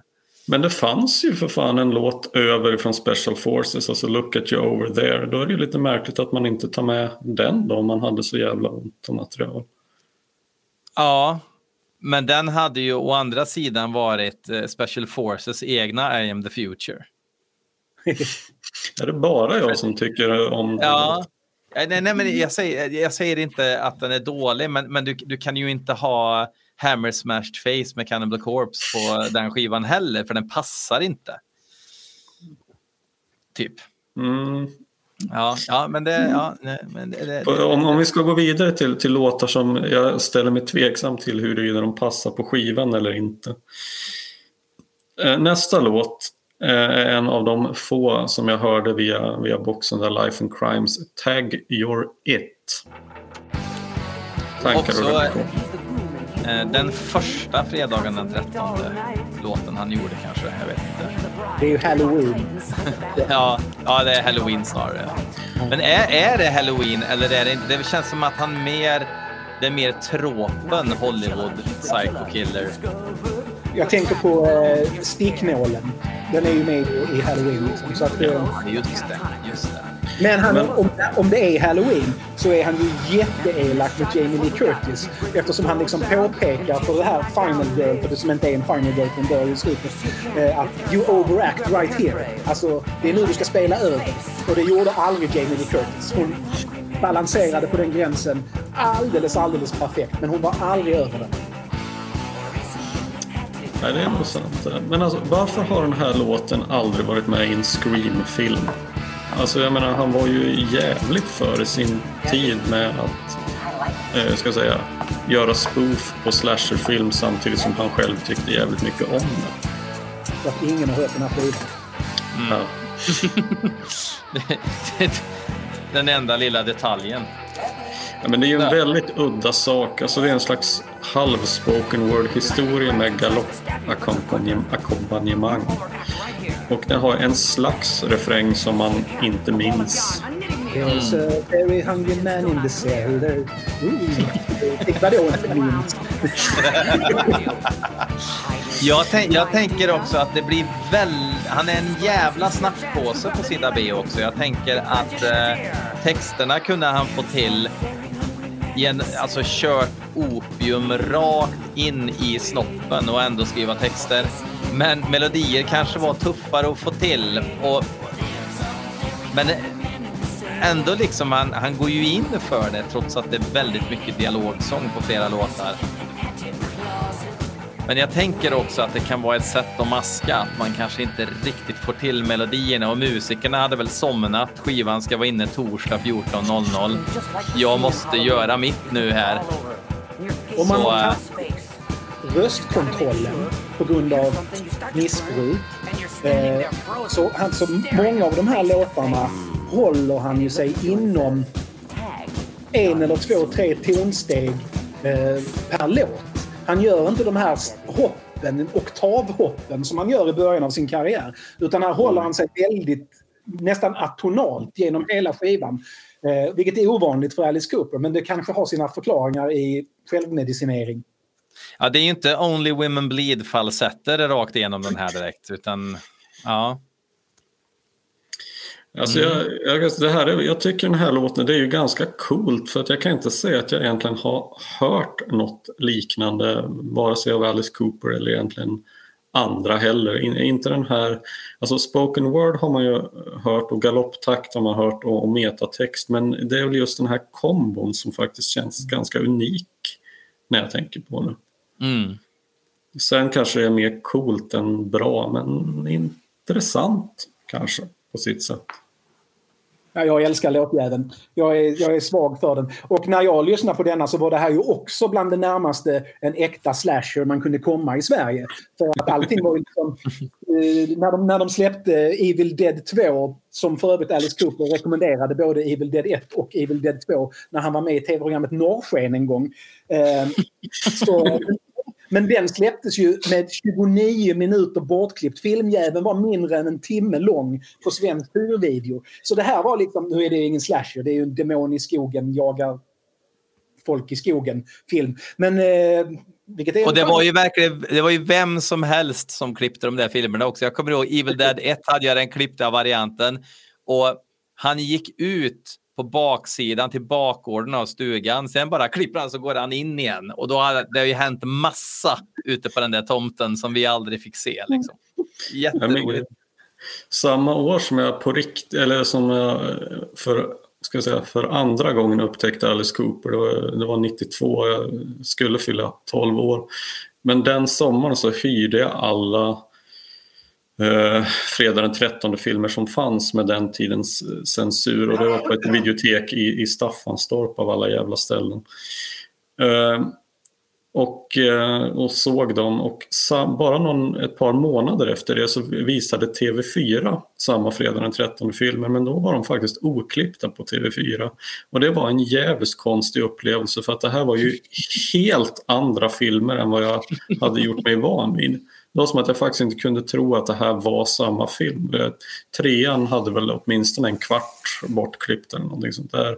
Och de mest,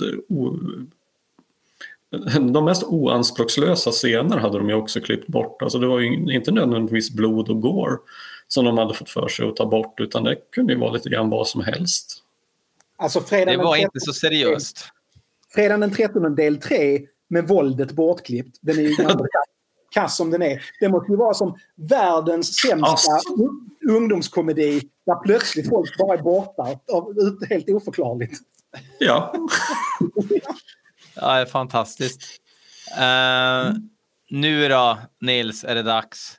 I better, I better be good. Och så bra den är! Och den är så extrem i, i sitt arrangemang. De här pauserna mellan det lilla gitarriffet som är nästan plågsamt långa tystnader. Det är så sparsmakat, det är så elegant. Sångtexten är väl kanske lite, lite tramsig. Eh, den, är, den är kort som attan. Det är, det är i princip en vers, en refräng och sen ett solo och sen en vers och en refräng och sen är den, kommer slutpartiet som ju är nog musikhistoriens bästa slutparti någonsin. Och då räknar jag in Beethovens nionde symfoni i detta. Vare sig man tar slutpartiet i symfonin eller man tar Rainbows patetiska version Difficult to Cure. Eh, det här är, det är så fantastiskt det här slutpartiet. Den här call and responsen mellan Dick Wagners sologitarr... Nice, de har så roligt när de sjunger kören och han spelar gitarren. Det är, det är så jäkla kul.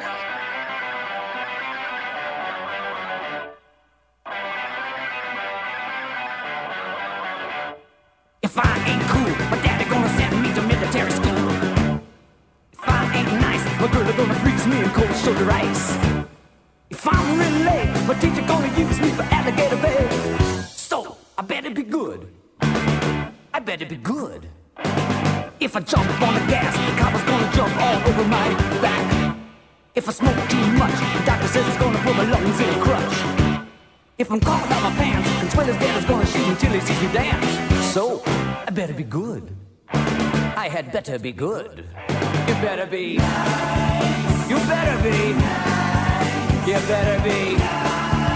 You better be. Nice, nice, nice, nice. You better be. Nice, nice, nice. You better be. Nice, nice, nice. Ah, ah, ah, ah. Nice, nice, nice.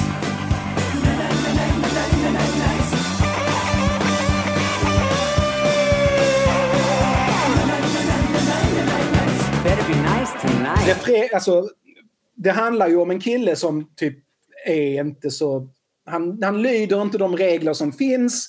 Eh, ofta i relation till att han, till, eh, han, han underpresterar i sängen. Han eh, typ spanar på fel tjejer. Han eh, råkar då fastna med snoppen i gylfen. Eh, han gör fel, men han inser det. I better be good. Han ser en potential till förbättring i sin karaktär. Om den här låten Uh, har att göra med... Taggerit hör ju verkligen inte ihop med den här karaktären vi eventuellt har i de tre första låtarna. Här. Men den här skulle ju kunna vara en prequel till den karaktären. Den här skulle kunna vara hans high school-upplevelser. Uh, ja, jag... Uh, jag tänker på att det här är liksom...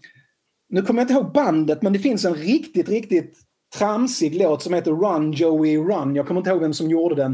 Eh, som är liksom, som är nästan är som ur personen som sjunger den här flickväns perspektiv. Eh, mer och mer desperat över att Joey inte kan leva upp till hennes pappas förväntningar eller hennes förväntningar. Eh, det är ingen bra låt. Den var med i Glee. Så att... Eh, Ja, det, det- det är inte. Men, eh, men den här låten är bara... Den är bara för bra. Och den är... Den är, den är långt mindre än tre minuter. Jag vet inte exakt hur lång den är. Men den lyckas säga så mycket. Men framför, och, och gitarrspelet. Det här är Dick Wagners bästa gitarrspel på en Alice Cooper-skiva. Um, ja, det måste det ja. Den är 2.48 för övrigt. Okej, då var den, då var den nästan tre minuter. Ja, men, men eh, är inte det här musikal, då finns ju inte musikal. Ni kan inte, Nej, ni kan inte se den här Nej, i nej, Grease. visst. Nice, gud, nice, ja. nice. You better be nice, nice. Alltså här, Absolut. här, nu byter de från sommardäck till vinterdäck i Grease. Och de dansar järnet och fälgkorsen spinner de i luften. Det här är musikal 100 procent. Men kanske Nej. inte den formen av musikal som han är van att göra. Nej, jag, alltså jag tänker Grease jag också. Men jag måste också säga, fråga. Eh, har någon av er hört Violent Femmes låt Blister in the Sun? Mm, det är jag. Eh, det- var av en ren slump så befann jag mig på en krog, det var musikquiz. Och så plötsligt hör jag en låtjävel, men vad fan det här är ju från Zipper Catch a Skin. Eh, och jag, jag skämtar inte när jag säger att de, om de inte är identiska så är det så jävla likt att det är rent kusligt.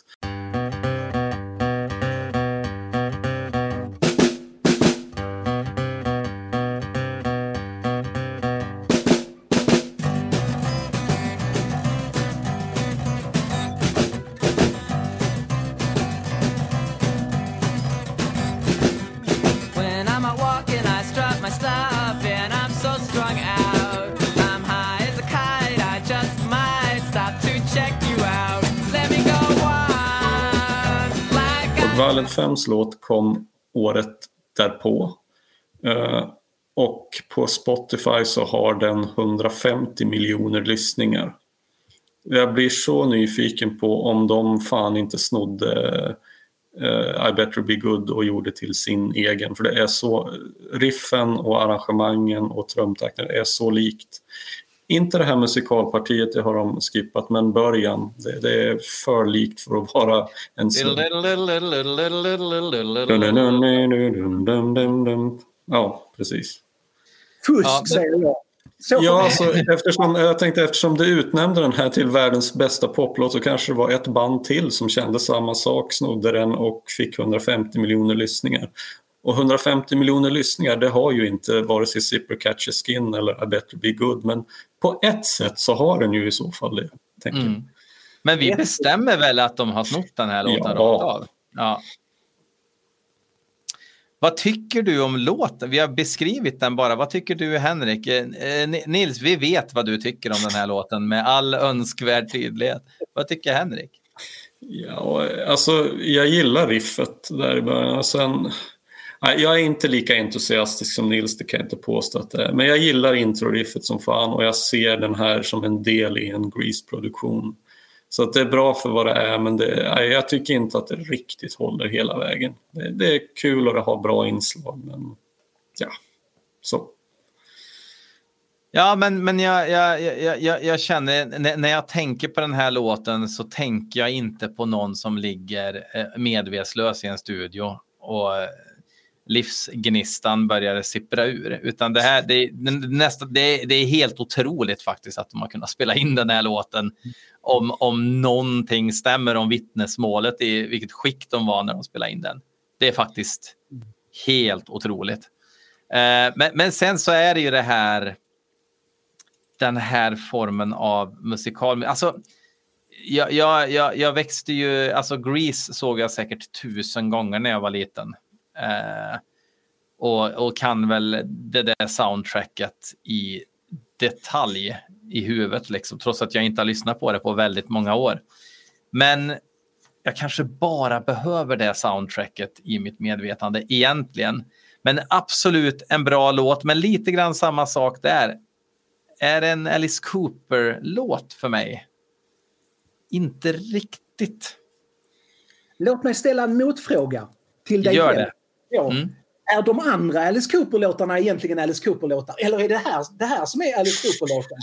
Eh, han ställde själv frågan, eh, eller påståendet till sig själv, I never wrote those songs på, eh, på eh, Lace and Whiskey. Ja, han hade den här tanken. Det är den låten han har skrivit. Det är den här låten han byggde upp hela sin karriär för. Och sen gick det ut för. Ja, bara en tanke, bara, bara ett inspel liksom. Ja. Ja, det, det är inte, jag får tänka på det, men eh, om, om jag tänker för mycket på det så tror jag att jag kommer hamna i en depression. Så att, eh, alltså, det är en intressant frågeställning. Ska vi därmed gå vidare till avslutningsspåret? I'm alive. That was the day my dead pet returned to save my life.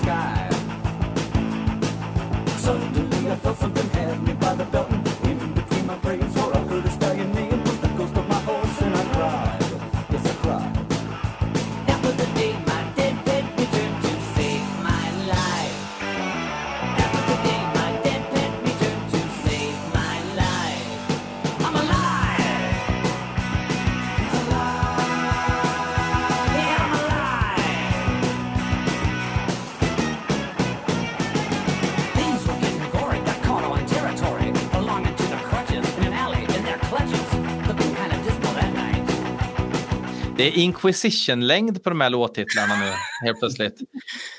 Um, det här är ju alltså en melodi som handlar om att Alice undviker att stryka med i olika situationer i vardagen för att han helt plötsligt bör, börjar tänka på någon form av organism han haft i sin ägo um, som han då ja, tolkar som att den kommer tillbaka och räddar eh, dess liv. Men, men texten är ju mer att han börjar tänka på sin gamla häst som han en gång hade.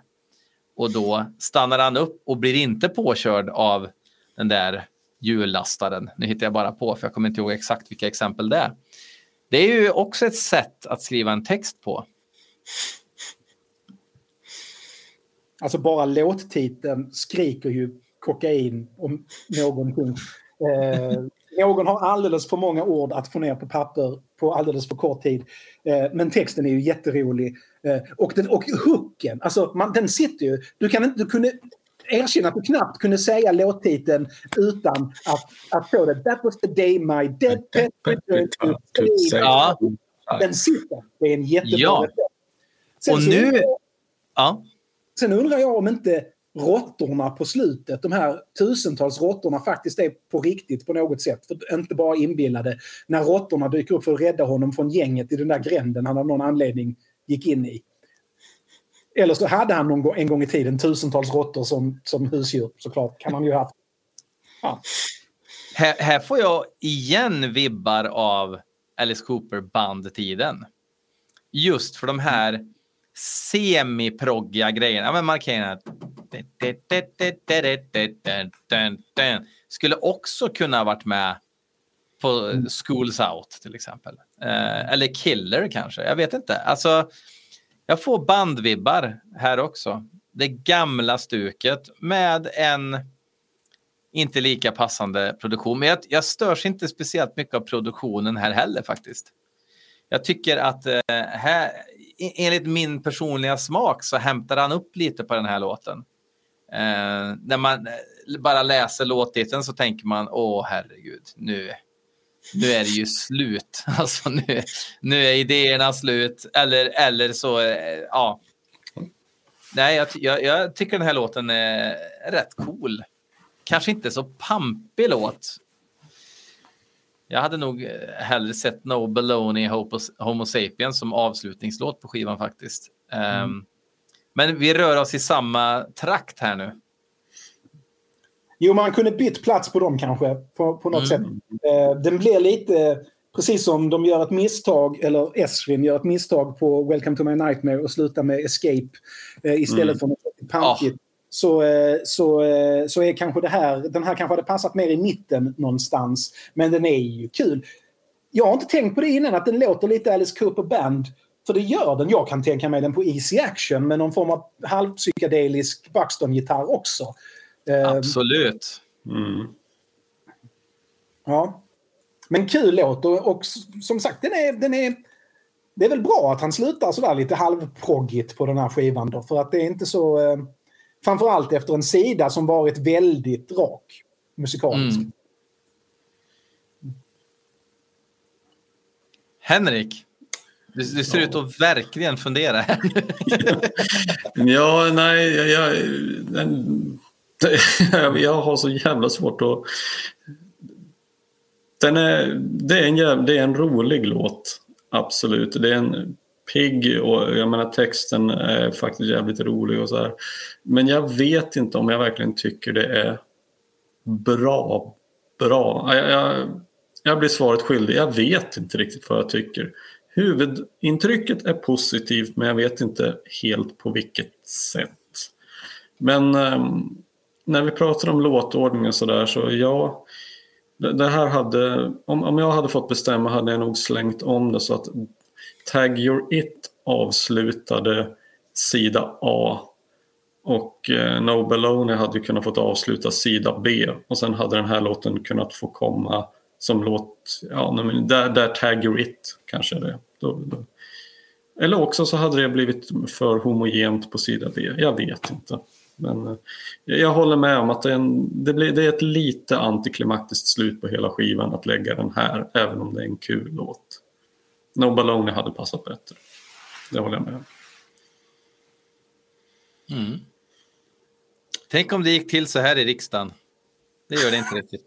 Men eh, nu då är det dags för det mycket, mycket populära inslaget betygssättningen. Nils, vi vet ju redan, tror jag. alltså det är inte en perfekt skiva, men den är nästan en perfekt skiva. Mm. På en skala av 1 till 10 där 10 är bäst, vars hamnar den? Ja, alltså om vi, om vi tänker Alice Cooper-skivor så, eh, så skulle jag nog ge den här en 8 eller 9. Där, ni, där tiorna är helt de, de, de tillhör bandet. Men av Alice Coopers soloskivor så tillhör den här bland de bästa. Eh, om den inte är den, nej den har ju fan I am the future, jag ger den en åtta. Henrik? Shit, alltså jag, jag har ju haft jättesvårt att betygsätta alla de här Blackout-albumen. Uh, och det beror mest för att jag ändrar uppfattning varenda gång som jag lyssnar på dem. Eh, och det har jag väl sagt i några tidigare avsnitt också. Där, att, eh, ibland har jag tyckt att Special Forces varit bättre än Flash the Fashion och, och vice versa. Och den här var jag nog beredd att ge kanske det lägsta betyget fram tills typ igår eller idag då jag lyssnar om dem, lyssnar eh, om, eh, jag lyssnar på den ytterligare en gång eller två. Och eh, på något sätt så när jag lyssnade på riktigt hög volym i, i hörlurar då var det några bitar som föll på plats som jag tidigare inte hade uppfattat. Så då är den plötsligt bättre igen. Men samtidigt så det är jävligt mycket kul på den. Det är en pigg skiva, man blir glad av den. Men det är för mycket rush jobs, alltså för att det ska kunna kännas helt klockrent eller men det här är nog den svåraste plattan. Det här är nog den svår, jag har svårast för att ge ett betyg. Så att det, det blir väl någonstans så här 3 av 5, 6 av 10 någonstans. Men egentligen så skulle jag vilja hoppa över den här betygssättningen för den här skivan är så udda att den går bortom till och med den ordinarie Alice Cooper betygsskalan. Mm.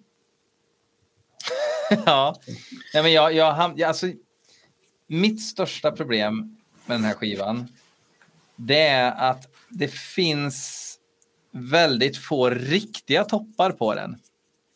Jag är osäker på om jag förstorar saker. Att, att jag i, i mitt huvud förbättrar låtar och gör dem bättre än vad de är. För att det är en sån märklig skiva till att börja med.